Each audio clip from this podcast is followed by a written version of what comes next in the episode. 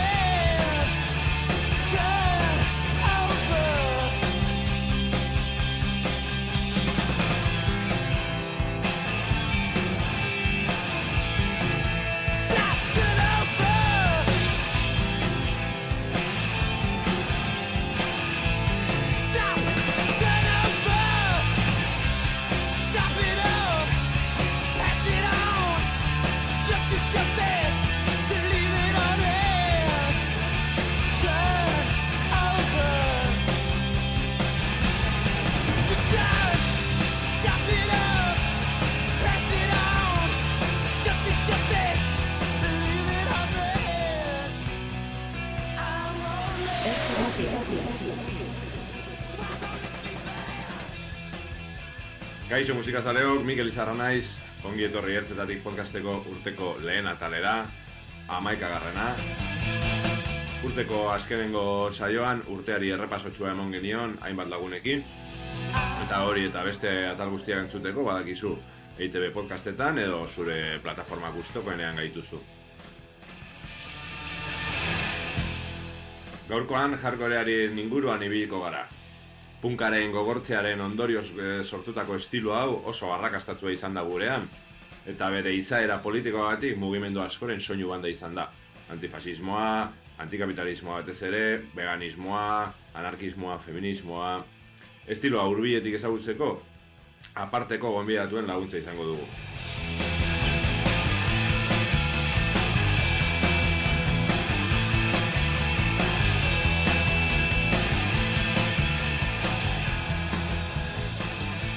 Gonbidatu nagusi gisa, Bulkeko Andoni de la Cruz izango dugu, Bulkeko abeslaria. Bulkek badauka eragina handia jarkoretik, baina gehien bat e, aterako duten diska berriari buruz hitz egingo dugu. Bulk ez da Mongri disketxearen eskutik aterako dutena. Jarraitzeko darko izango dugu Gasteiz Hardcore Crew ekimeneko partaide eta alabedi irratiko labola loka irratzaioko eragile ere bai. Jarkoraren inguruko bere ikuspuntua emango digu darkok.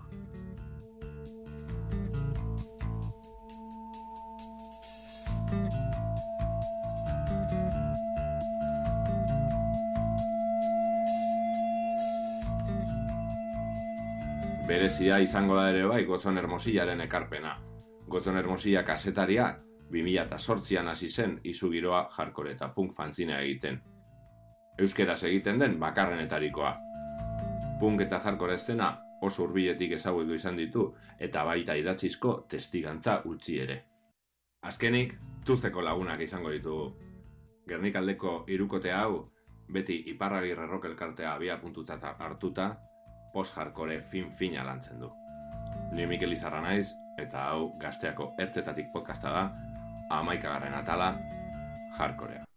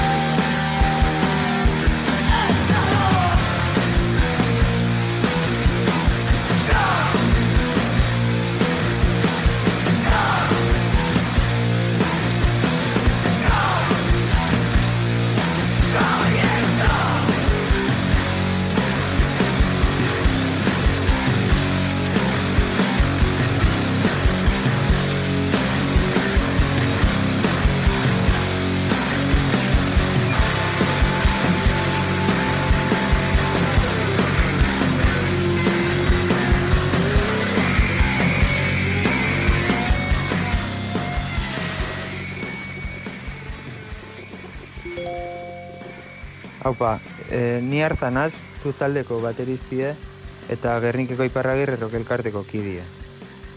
Bueno, azteko, ba, jarkorran niretzako bizizia ulertzeko modu bat dela esango naben.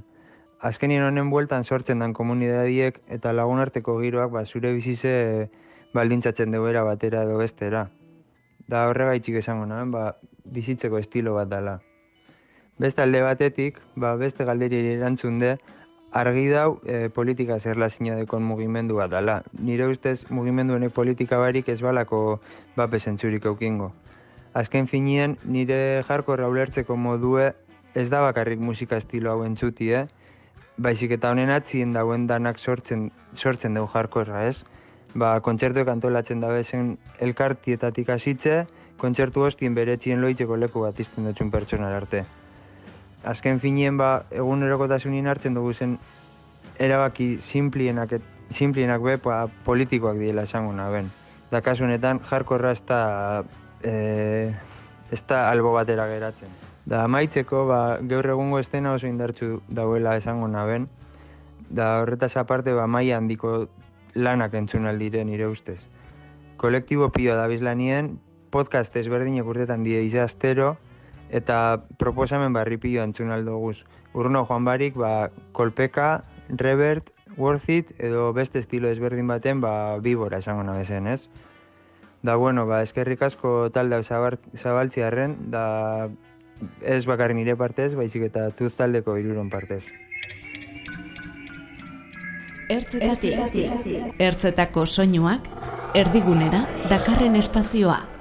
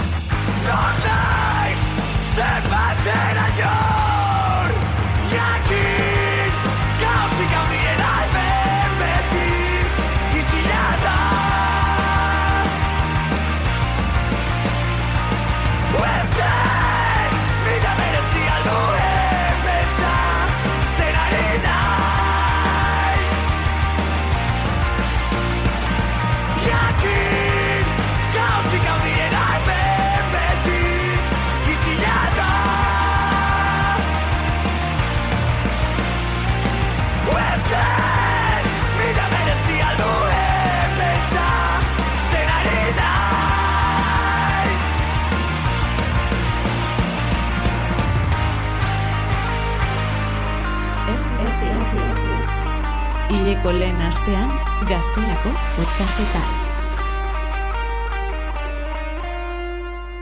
Hemen gauze ertzetatik podcastaren amaikagarren saioen, e, gaur, e, bueno, jarkoreari buruz hitz egingo dugu, edo jarkorea gaurko gaia, baina, bueno, e, gonbiatu ezberdinak izango dugu, eta haien artien bulkeko Andoni de la Cruz, untxen aterako dabe diska barrize, bulkez da, eta, bueno, 2000 eta amabostetik badabiz, e, ba, bueno, roka edo gitarra egindako musika egiten, e, lehenago inglesez, oine euskerara pasa dira, eta hemen gauze Andoni gaz, zelan Andoni? Ondo, hemen eh, oean bota eta katuekin jolasten, berba egin du- egiten duen bitarten. Perfecto, tío. Horan gustora egiten direz be- hobeto elkarrizketak. Asko Eh, zobeto. Ze esango dut, e, oine atarako dozue urtarrian amaieran e, diska barrize, ja bosgarren diska, Bai. eta zelan egin dozuen lanarekin, posik edo... Eh, bai, en, eh, nire ustez, bueno, taldearen ustez izan da gure diskarik onena, dudabarik. Eh, ez bakarrik eh, kanten gaitik, baizik eta nola lan dugun diska gaitik, osea, dana grabatu da zuzenean, analogikoz, eta prozesu horrek uste dut eh, lagundu dela la hostia, ba, bulkaren, ba, zuzeneko soinu hori ateratzera ezagik. Gutxi gora bera, eh? Osea, niretzat hori izan da, como, punturik garrantzitsuena. Eta, bueno, kanpotik ikusten dana, e, nahiko esfortzu ez bakarrik ekonomiko, fisiko, e, ez dakit zelan esan, denbora gehiago eman duzuel e, lan hau egiten. E, horrek, evidentemente, askatasun gehiago nahi duzuena egiteko, ez? Eman dizue, edo ez dakit. Bai, azkenean eh, pandemia eduki dugu erdian justo, osea, grabatu genuen diska, e, 2000 eta emeretziko txaian, instrumentalak eta, eta justo hori zen pandemia, Agustoan e, ahotsak, eta gero joan gara apurka-apurka nahazten kantak, eta, eta planifikatzen apurbet, e, ba, diskaren aurkezpena, ez da? E, igual, modu ezberdin baten aurkeztu diska, e, hiru bideoklip edo bideoekin, botzen hor zuzenen e, kantak, ba, grabatu dugun ez e, diska zuzenean, ba, bai, e, e, pentsatu genuen e, aprobazioa izango zela, ba, zeo zer orkestea, baina zuzenean, osea, como, modu oso direktu baten, ezta? Eta, ba, esan duzuna, osea, izan da kriston esportzua, ekonomikoa, e, ba, bideoak egitea be, izan da, como, lokura puta bat. Baina, nik uste lortu dugula, ba, lehen, lehen momentutik proposatu, proposatu genuena, eta Eta ez dakit, tio, hone ez dakit nola jasango duen Euskal Herriko publikoak, ez dakit nola, nola joango den asuntoa, baina hori, gure gure parte egin da dau. Kanpotik ikusita eta zuek zuzenean ikusita eta gero diskak entzunda beti dago sentsazio hori saiatzen zaretela zuzenez, zuzenean oso ondo jotzen duzue eta saiatzen zaretez horren ondo diskak egiten ez, baina oraingoain bai dago sentsazioa lortu duzuela, ez, gehiago. Bai, bai, beste modu baten planteatzen dune diskaren grabaketa ez da. E, igual, e, ez dakit, ba, saiatzen ginen e, izaten apur bat, como, ez dakit, porruzitzen gehiago kantak, ez da, estudioan. Eta, ba, diska honetaz e, lortu duguna da, igual, kantak ez dauz hain produzituta, baina, baina hartu dabe e, zuzenekoaren indarra, ez da. Mm. Eta horrekin, ja, nik uste, lortu dugula bulkek behar zuena, ez da, como, azkeneko puntua hor, eh, ez dakit, eh, produkzioaren aldetik. E, ba, bueno, nego zu entzuko du zera hitazo bat ez da, eta jarretuko dugu berretan.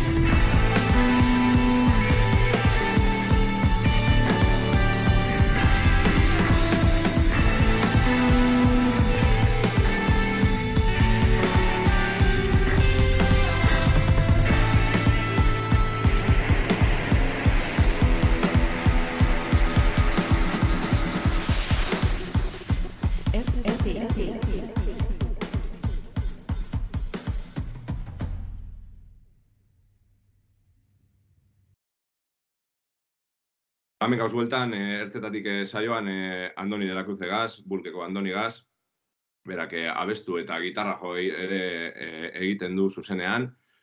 E, eta zera, diskari buruz e, gabiz berbetan, eta mm, nahi nizune galdetu, euskerara pasatu zariela, eta normalien, e, ba, ez dut egiten olako galderarik, ez taldeei, ez dakit. Baina azken aldean uste dut bai badaukala garrantzia, ez? E, euskerara pasa za- zarie eta ez dakit, ez dakit zer dagoen horren atzean. Igual talde askori e, era naturalo, naturalago batean e, aterako zaie, ez? Euskeraz egitea, baina e, zuena auto nahiko ez dakit politikoa esan eta honekin jarkorearekin lotu eta da, edo beste barik, edo autu pertsonala, edo...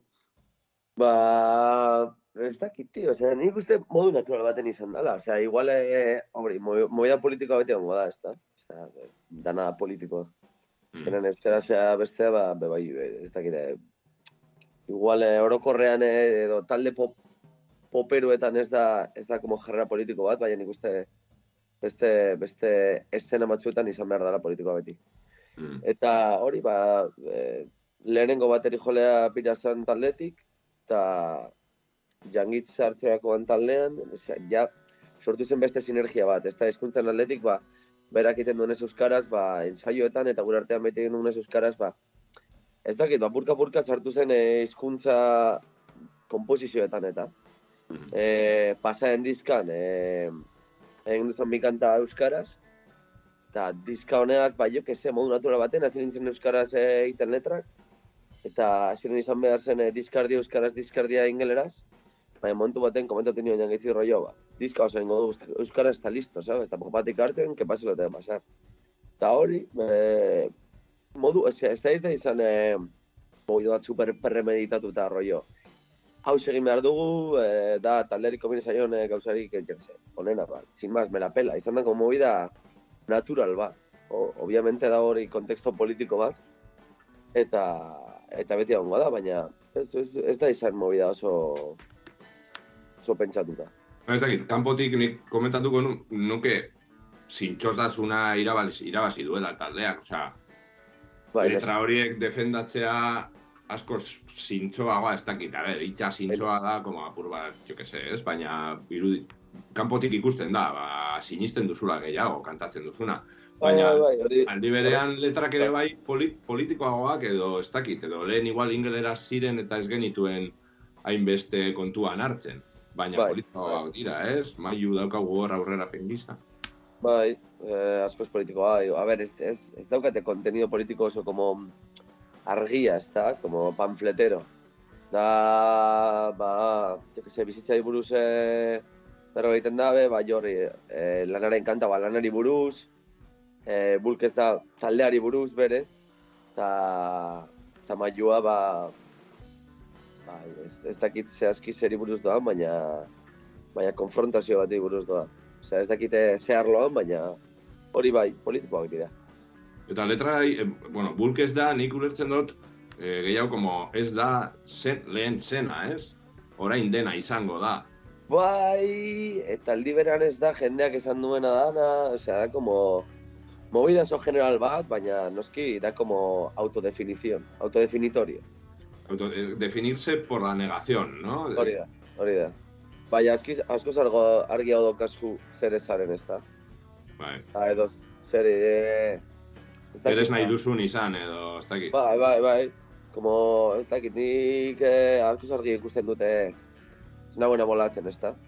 Mm. Beste guztia da, como, bueno, ba, ez dakit, eh, nire guztok izango den ala ez, edo erabaki una ala txarra izango den, baina soberan daki eta hau ez dala niretzat imaginatu. e, zinebin estrenatu zenuten zuzenezko ez dakit, eh, berezi hori edo nahiko zuzenezko per, zuen performatibitate hori ere ez dakit islatzen duena, ez? E, baina zuen edabidek ekiko erlazioa eta sareekiko erlazioa ere aldatu da edo, bueno, ez dituzue sare asko erabiltzen, ez duzu elkarrizketa askorik ematen, Ez.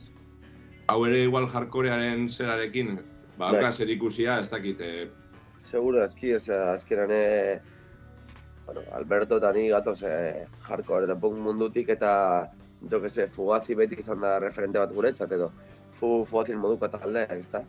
Orduan, e, ba, bai, eta gainera, como demorazko baltzen bauzu hori, hori, sare sozialetan e, mobitak jartzen edo, ba, imagen bat emoten, ba, igual galtzen duzu beste, beste esentzia bat, ez da? Osea, nire ustez egon behar gara musikari buruz berba egiten, musika egiten eta eta kontzertuak ematen. Eta beste guztia da como eh, movida sekundario bat, ezta? Eta Mm. sare sozialak be. Honez zabaldu dugu Instagrama diska promozionatzeko, osea gure asmoa da diska promozionatzea Instagramegaz, eta sarratutu kontua edo zera bili gehiago.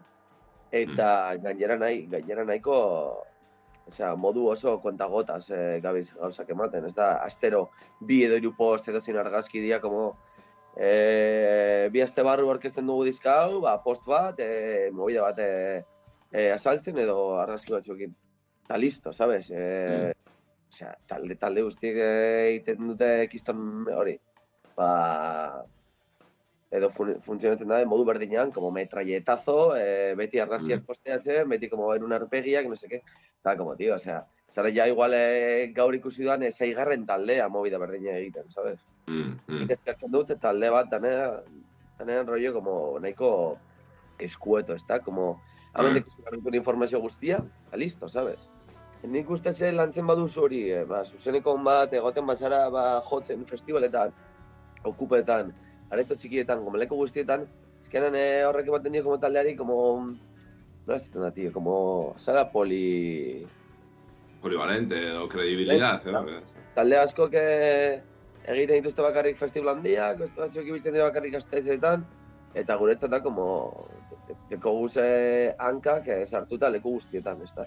Mm, mm. Eta gero hori, ba, jenderekin por, ondo portatzen bazara, launak egite bati baituzu, ba oso erraza da antolatzea e, kontzertu bat ez dakit, Sevillan edo Valentzian edo eta ja ezagututa hor dagoen esena, ara joan, ba, beste bi taldeekin, bi talde guapokin lotu kontzertu bat, eta nik uste dut lan, osea, marmolek segurazki modu berdinean e, funtzionatzen duela, sabes? Como apurka apurka ba, sortzen sare bat, eta, karo, beste ta- talde batzuentzat, sare hori bakarrik dau interneten, sare sozialetan, Mm. sabes? Baina nik uste eraikitzen duzuna sare sozialetan ez da guztiz e, benetazkoa, sabes? Ez dakit, ibiltzen egiten da, como apur bat, eh, bidea. Eta ibiltzen bazara bakarrik eh, sare sozialetan publikatzen argazkiak, eta movida como popularrak egiten, ba, gero igual jendea ez da zuen kontzertuetara.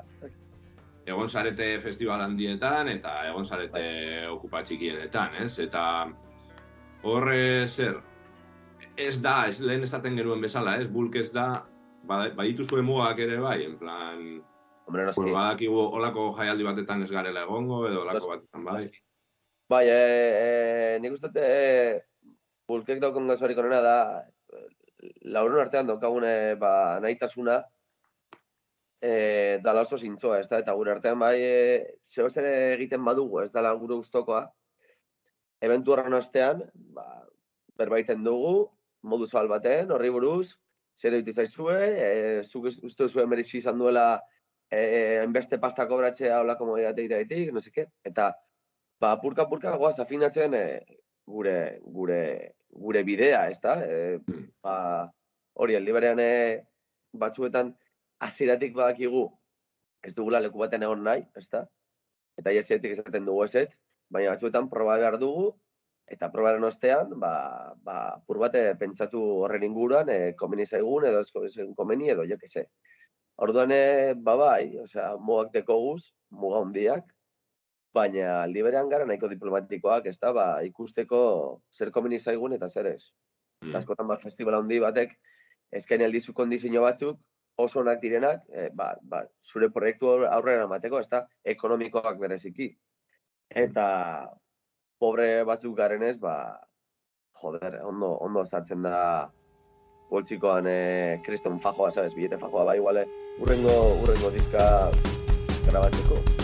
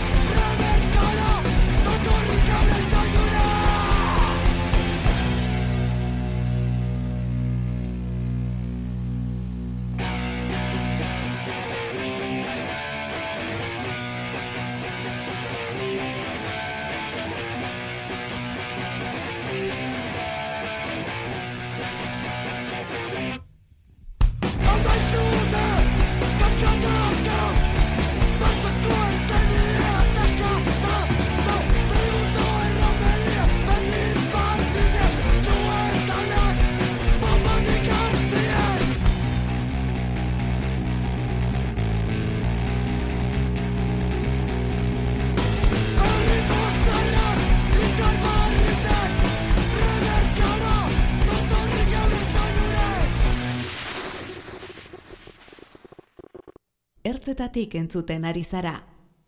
Mikel Izarraren podcasta Gaztea. Apa, ni Darko naiz, Gasteiz Hardcore Crewko kidea, eta, bueno, Gasteiz Hardcore Crew 2006an sortu zen kolektibo musikal autogestionatu bat da. Astapenetik kontrakulturala eta politikoa izan den mugimendu honen testigu hartzea izan dugu helburu. E, kontzertu esente, antolatu ditugu, gure helburuetako bat hori zen, e, pues, talde askori gazteizen jotzeko aukera emanez, baina beti ikuspegi antifasista, antirrasista eta antisexista batetik. Baina pandemiarekin e, dana gelditu zenez, alabeditik irratsaio batekin astea proposatu ziguten, eta horrela hasi genuen lauela loka. Eta momentu honetan bigarren denboraldia grabatzen ari gara, ja da berrogei irratxo inguru grabatu ditu bien artean, eta bueno, horretan gabiltza nahiko topera egia esan. Piot goi jorratu ditu, ba, jatorria hitz egin dugu, baina baita ere toki konkretuetako estena aztertu dugu, gonbidatuak ekarri ditugu elkarrizketatzeko, hardcore hitz handi horren atzean izkutatzen diren estilo asko aztertu ditugu eta hori buruz hitz egin dugu, bueno, hitz horren atzean gauza guztiei buruz hitz egiten saiatu gara, edo saiatzen gara, baina, bueno, beste musika estilo asko ere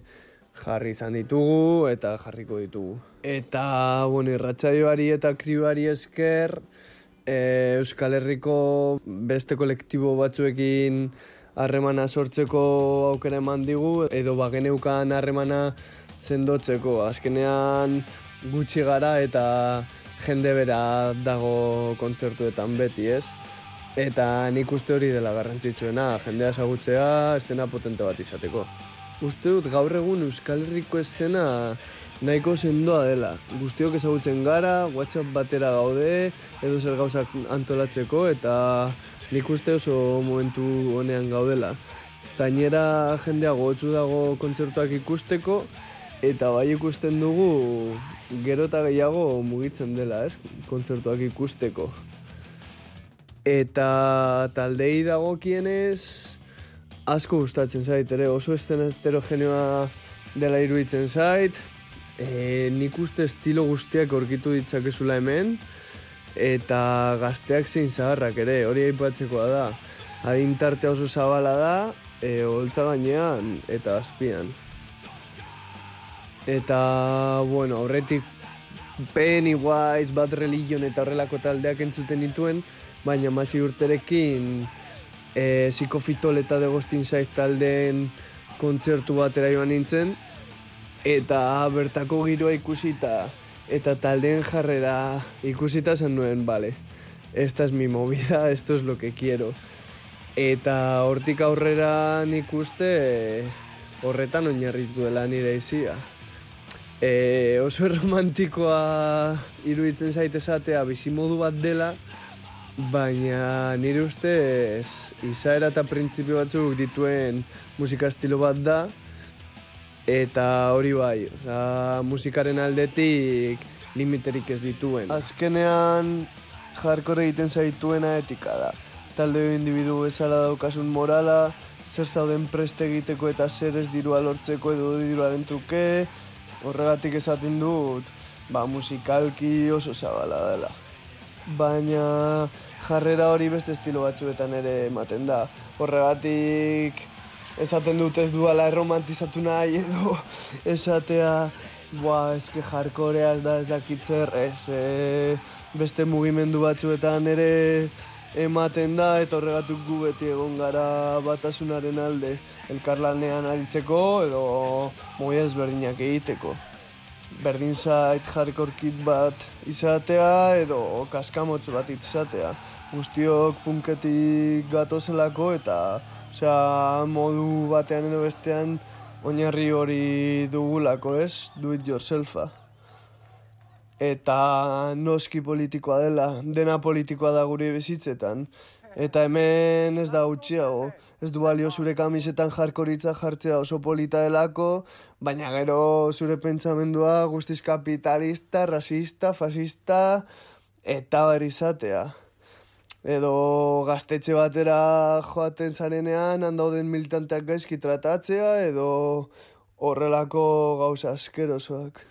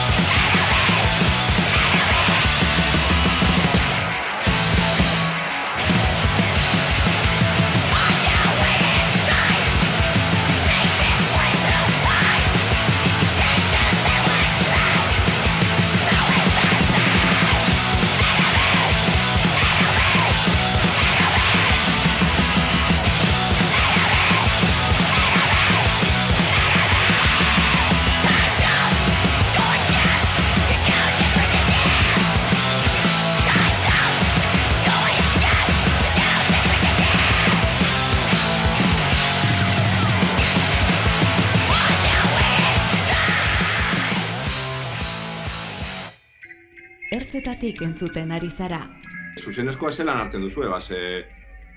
Lehen ere izin egiten genuen, bai, Facebook barik, ez ezer barik, izen zineten eh, Ruta 66ko talde, zuzenezko talderik onena, ez dakit zer, eh, ez dakit, per, zuek ere arte mundutik zatorzie, eta Bai. per, performatibitate hitza igual oso, oso handia da, baina bideotan ere, atera dituzuen bideotan igarri daiteke zeu zer, eta di- zuen zuzenezkoa nahiko ez dakit, ez dakit performatu, baina ez zarete olako talde bat, e, publikoarin, publikoarekin berbetan zauziena, edo Azkenean eh, guretzat eh, zuzenan jotzea ez da bakarrik eh, musika egitea, baizik eta ba, ba, interpretatzea kantak, ez bakarrik musikan aldetik, baizik eta modu fisiko baten, ez da?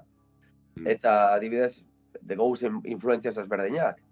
Osea, gure artean eta eta eta eta norberak eh, ba, egiten eh, entzuten dituen musika mota ezberdinak ba, modu baten eh, nahastu behar ditu buruan, ez da, como eh, niri molatzen da basako jarkorra. mm, Eta aldi berean popa, eta iguale bai eh, talde baten jarrera, jarkor, jarre, jarrera edo ez dakit edo como eszenatokian daukane presentziak molatzen hau asako, eta musikan aldetik ba, oso interesante da, baina gero bulken ez da isladatzen hori, bakarrik isladatzen da presentzia hori. Eta bego beste talde popero bat darala hostia. Ba, behitu, eh, ez dakit, riff hau, tio, da super guapo, no seke. Eta hartzen dugu hortik, hortik ideia, baina liberan jarrera beste estilo batetik hartzen dugu, eta mm, como nazketa hori ba guretzate como Osea, ez, ez dakit nola saldu, baina adibidez ibiltzen bezala bakarrik popa entzuten, mm, e, zure jarrera eszenatokien izango da poperua, eta como nahiko, ba, mala, ba, ba, jendeak espero duena. Baina entzuten baduzu musika oso desberdina, ba, gero hor eszenatokian, ba, hori, nire jarrera ez da, bueno, eta ni ez naz opero bat, eta itxuraz, eta nire ez da nire mugimenduak, ez dira como suabeak eta como gustosoak jendearentzat, ba, hori landuko dut, entzungo dut musika agresiboa, entzungo dut musika makarra, entzungo dut, eta gero egite- egiten badut musika asko suabeagoa, burken kasuan eh, hori pasatzen da, ba nire interpretazio izango da, como, eh, estilo hoien como nasketa bat, ez da interpretazioa, musika, eta ez dakit hola lantzen dugu. Oso teatrero gara bai, eh. Guk uste dute beste, beste modu batean ikusten dugula asuntoa, osea, guk adibidez ez, ez dugu lantzen musika rollo retrospektiba ematen moduan, edo azkeneko diskan ikuste dute ikusten dela modu argiago baten. Ez, ez gaudela egiten como eh, larogeiko marka, amarkaden retrospektiba bat, edo como hori ba, be, hartu como ideia potentenak ta moldatu, ez da, gaur egungoko, ba, ez dakit, bizi, bizi dugune, eh, nola esaten da, tio, eh, bai, bizimodura Bai. edo lo que sea. Bai, Bai. bueno. Orduan, guk gabiz egiten como bebai ariketa bat, ez da? Osea, como... Eh, Euskal Herri mailan bai igual eh, momentuan eh, askoz eh, gehiago sentitzen gara identifikatuta ba, beste taldekin, ez da, borrokan edo mhm. bideutze diskatzeko taldeekin, osea, birasoki edo ba, Lizabo, movidas, edo- ba, edo Lizabo, bai, como filosofian aldetik, ze dira askoz, eh, ba, hori, Discorden eh, inguruan mugitu dira be bai, ez Euskal Herrian, baina bideutzen ez da, como eh, Euskal Herriko Discord diskatzea, ez da? Mm, Eta aldi berean, ba, musika da, como, ba, beste modu baten lan, landu hizkuntza, beste modu baten landu musika, como askoz komplejoagoa, ez modu pedante baten, baina askoz como, ba, progresiboagoa. Izango mhm. nuke, baina progresiboa eta letretan be bai, ba, modifikazioak daude, ez da, como berba egiten duan hizkuntza, batzutan ba, aditz batzuk dira eh, inventada pura, eta hola, como... Mm. Mm. Eh, experimentalagoa, ez? Eh, ez egingo, jo que se, heavy metala bat batean, baina como, ba, eh, ba, igual entzuten dugu ritmo afrikano bat, eta joder, ba, sartuko dugu ritmo hau kantan, sabes? Ya lo loco, sabes? Molatzen gaitu, eta, eta listo, sabes? mm, Eta holan funtzionatzen dugu, tio, ez dakit. Igual eh, horrek be sortzen ditu, ba, oztopo batzuk jendeak entzuteko musika, tio. Ze, badakigu naiz eta hori hizkuntza aldaketa egin dugu, baina gero Euskal Herri mailan entzuten den musika bada super poperoa, super klasikoa, super pim pam pum, sabes? ja, ja. Baina, bueno, gure, gure lekua topako du, osea, prisarik ez dugu, eh? Mm. Erraza, igual, ez? Igual suena apur bat zailagoa sartzen, edo ez dakit, Bai, eh, bai. zelan esan. Bai, e, bueno, ja gaurkoarekin lotzeko eta amaitzen juteko, e, zera, gaur egungo e, estena, ni berdit, osea, jarkorea, zen trapa, zein berdit, edo ez dakit, Bai. azken aldian entzun duzun zeuser, edo...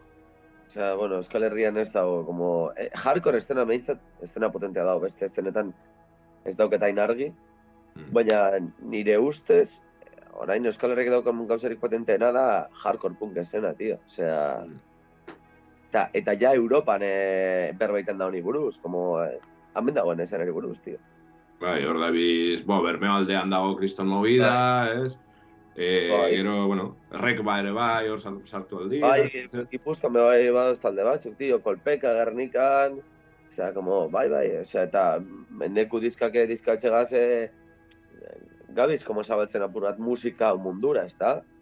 Osea, gu egon gara kuerogaz e, rebertekin bira bat emoten e, hori Europatik, eta kojonant izan da, osea, kontzertu guztietan, e, eun pertsona baino gehiago, e, jendea etorri da gure taldeak ikustera, ez da izan como de rebote, izan da gure taldeak ikustera, ba, diskak erostera, kamistak erostera, eta komentatzen, oi, urrengoan, e, ba, igual antolatu alduzue Alemaniatik bebai, no seke, como, joder, osea, Mm. flipante izan da, eta nik uste Euskal Herrian dagoena gauzarik interesentena da hardcore punk esena, momentuan.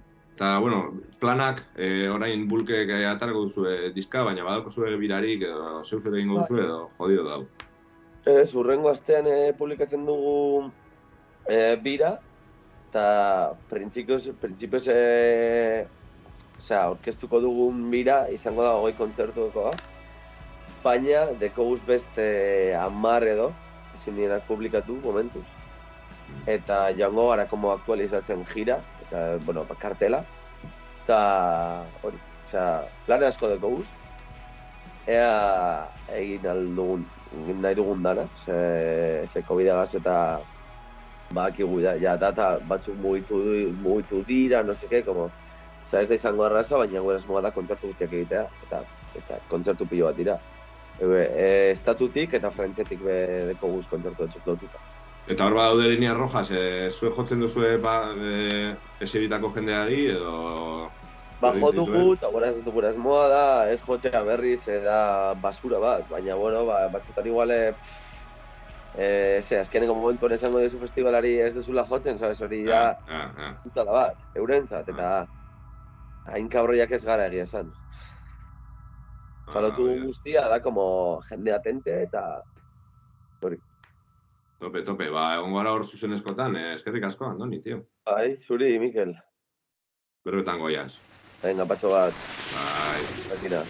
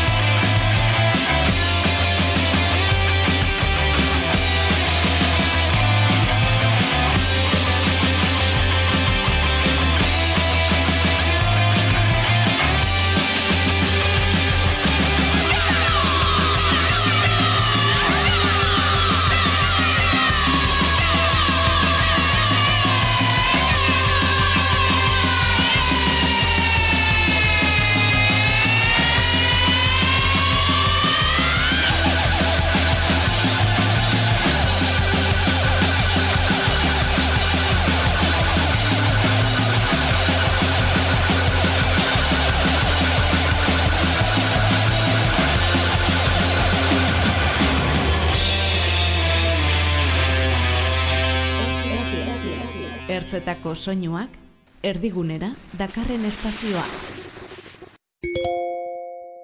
E, kaixo, e, ni gotzon hermosilla naiz, e, hogi bidez e, kazetaria, eta horretaz aparte musika zalea. E, mm, denbora askoan izu giroa, fantzinearen editorea izan naiz, e, 2000 eta batetik 2000 eta amabostera edo, gutxi gora bera, orain proiektu hori aprobate aparkatuta daukagu, baina ez eh, ahaztuta. Eta gero, ba hori, pues, e, bueno, e, ez dakit, musika zidaztea gustatzen zait, eta eta fantzinearen lanaz aparte, ba hori, liburu batzuk idatzi ditut, e, bat adibidez Ramonesen biografia bat, eta e, Ramones familia maitagarria izenekoa, eta beste bat e, Barakaldo Rebienta e, hori Barakaldoko punk rockaren inguruko ba, historia moduko bat. Ni segituan konturatu nintzen, ba hori, niri gehien gustatzen zitzaidana ba punka, punk rocka zala, ez? Eta orduan, hori, ba ginen Damnez, e, Clash, Sex Pistols, ba, bueno, horrelako taldeak e, entzuten, eta jarkorea guretzat izan zen apur bat, ba, horren garapen naturala, ez? Horren bilakaera naturala ba, larogeiko markadaren hasieran ba, egon ziren talde batzuk apur bate, ba, hori, guri gustatzen zitzaigun musika hori hartu eta muturrera eraman zutenak, mm, abiada da gehiagorekin, eta zarata gehiagorekin, eta distorsio gehiagorekin, eta segituan horrekin engantzatu ginen, batez ere horregatik, lehenago entzuten genuen e, punk rock e, horren ba, bilakaera natural gisa ikusten genuelako. Guk batez ere jarkorea ezagutu genuen Javi Destruyeri esker, garai hartan hori laroiko markadaren hasieran ba, Javi Destruyek e, bi, e, Gipuzkoako Donostiko herri irratian ba, gau ez programa batzuk egiten zituen, eta koratzen naz, ba, hori, ba, gu, bueno, gu garai hartan oso gaztea ginen, ba, bueno, gau ez oregoten ginen irratian zuten, eta Javiren programak e, grabatzen, eta horrela, eta horri esker ba hori ba, talde asko ezagutu genituen eta gero bueno Javirekin zuzenean ba harremanetan jarri ginenean ba bueno zintak pasatzen zizkigun e, diskoak saltzen zizkigun e, lortzen genituen horri esker ba hori pues gara hartan ba jarkore estenan Europan eta mugitzen ziren taldeen lehenengo diskoak eta eta handik gutxira ba, talde horietako batzuk hasi ziren Euskal Herrira etortzen, balako sare moduko bat, e, zirkuito moduko bat osatu zalako, batez ere, bueno, batez ere ez, guk batez ere gu laudioko gaztetxera, bilboko gaztetxera, eta inoiz e, azkoitiko gaztetxera ere joaten ginen, eta horri esker, ba, ba bueno, pues, e, ez dakite, pandemonio, negazione, alarm, horrako taldeak, ikusi genituen zuzenean, eta ja, bueno, ja guztiz engantzatuta gertu ginen eta eta gaur arte. Mm, arrakastarena, ez dakit, nik uste dut hori erlatiboa dala, jarkorea berez, jarkore estena ez da, arrakastaren bila da bilen e, estena bat, ez? Beti leku gehienetan jarkorea da, bueno, hor dagoen estena bat, nahiko e, subterraneo, nahiko lurrazpikoa, edo apur bate, bueno, gainerako estenetatik, edo modetatik, edo edo musika joera nagustitatik nahiko aparte, ibiltzen dana, eta alde horretatik nik, nik uste dut Euskal Herria ez dela salguzpena. Mm, badago estena bat, beti egon da, beti edo, bueno, sortu zenetik, ba, beti egon dira taldeak, beti egon dira gaztetxeak, beti egon dira jotzeko lekuak, bilakaera izan du, momentu onak izan ditu, beste batzuk esain onak, baina hori da, ez dakite e, hori, osalako edapen masibo bat, lortzeko inolako asmori gabe, eta bere horretan, ba, nik uste dut, e, bueno, arrakasta hori baldin bada, ba, bueno, arrakastatxua, nik uste dut arrakasta nagusia, Euskal Herriko Estenaren arrakasta nagusia izan dela, lortu duela denbora askoan, e, Europan, Europako zirkuito orokorrean kokatzea. Bere garaian, ba hori, ba, andoingo gaztetxea, bilbokoa, laudiokoa, azkoitikoa sortu zirenean, ba hori, horri esker, hasi ziren taldeak e, etortzen, gaur egun batez ere Gipuzkoan, ba hori ba Putzu Zulo, e, getari, orio, horrako gaztetxen, gaztetxei esker, ba, ba Euskal Herria badago, zirkuito horren baitan eta taldeak etortzen dira, eta hemengo talde batzuk e, ba, kontaktuak lortzen dituzte, eta horri esker lortzen dute Europa osoan birak egitea, eta nik uste dut, ez dakit horri arrakasta deitu alzaion, baina, baina bueno, bada arrakasta, ez? E, bada, nire ustez, e, ba, hemengo eszenak e, izan duen lorpen handi bat. E, jarkorea eta politika, mm, ez dakit, jarkoreak berez politikoa izan behar du, ba, egia esateko ez dakit. Ez dakit, nire zait gustatzen jeneri esatea zer egin behar duen, oron, ez dakit, derrigorrez jarkoreak politikoa izan behar duen.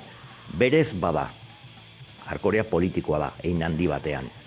E, jarkorea normalean, ba hori, bueno, musika oldarkorra izaten da, eta amorrutik sortzen da, frustraziotik askotan, justiziaren aurreko ezin egon horretatik, eta orduan berez mm, errealitatea hori da. Errealitatea da jarkore talde gehienak politikoak direla. Mm, Politikoak zentzu zabalean e, hartuta. E, a ber, e, evoluzioari dagokionez, e, bueno, gu hasi ginen hori, larogeiko hamarkadako jarkorea entzuten, ba hori, ba, baretez Europako taldeak, Negazione, BGK, Larm, horrelako taldeak entzuten genituen, hamarkada horren amaieran egon zan alako, ez dakit, e, bolada bat edo mm, taldeetako gehienak asistiren, ez dakit gauza, e, astunagoak egiten, jebiagoak, metaleroagoak, eta nik uste eszena kalako ga- gainbera moduko bat izan zuela markada horren eta horrengo markadaren e, amai, e, hasieran. Gero, mm, larogeita hamarreko hamarkadan, batez ere bukaera aldera, eta handik e, urrengo hamarkadaren amaiera arte gutxi gora bera, batez ere hemen Bizkaian dut Gipuzkoan desberdina izan zala, baina Bizkaian batez ere indar handia hartu zuen ba hori metalkoreak eta hori horrelako e, matxokorea ditzen zioten batzuek eta e, hemen ez dakit horrek indar handia hartu zuen. Kontzertu pila egiten ziren eta horrelako taldeak etortzen ziren eta Gipuzkoan ikuste dut mm, kontu horrek ez zuela horren besteko eraginik izan eta eta Gipuzkoan beti izan dira ez dakit e, ba, jarkore zapatilleroaren e, zaleagoak eta estena politikoagoa zan. Nik gogoan dut gara hartan, ba hori, pues, horrelako metalcore eta pues, horrelako e, taldeak etortzen zirenean Terror eta For the Glory eta New York Hardcoreko hildorretatik joaten ziren taldeak eta bueno, ni guztitara joaten nintzen, baina aitortu behar dut e, ni estena horretan enintzela hain eroso sentitzen nik gogokoago nituen ba beste talde batzuk eta beste doinu batzuk eta beste zer batzuk.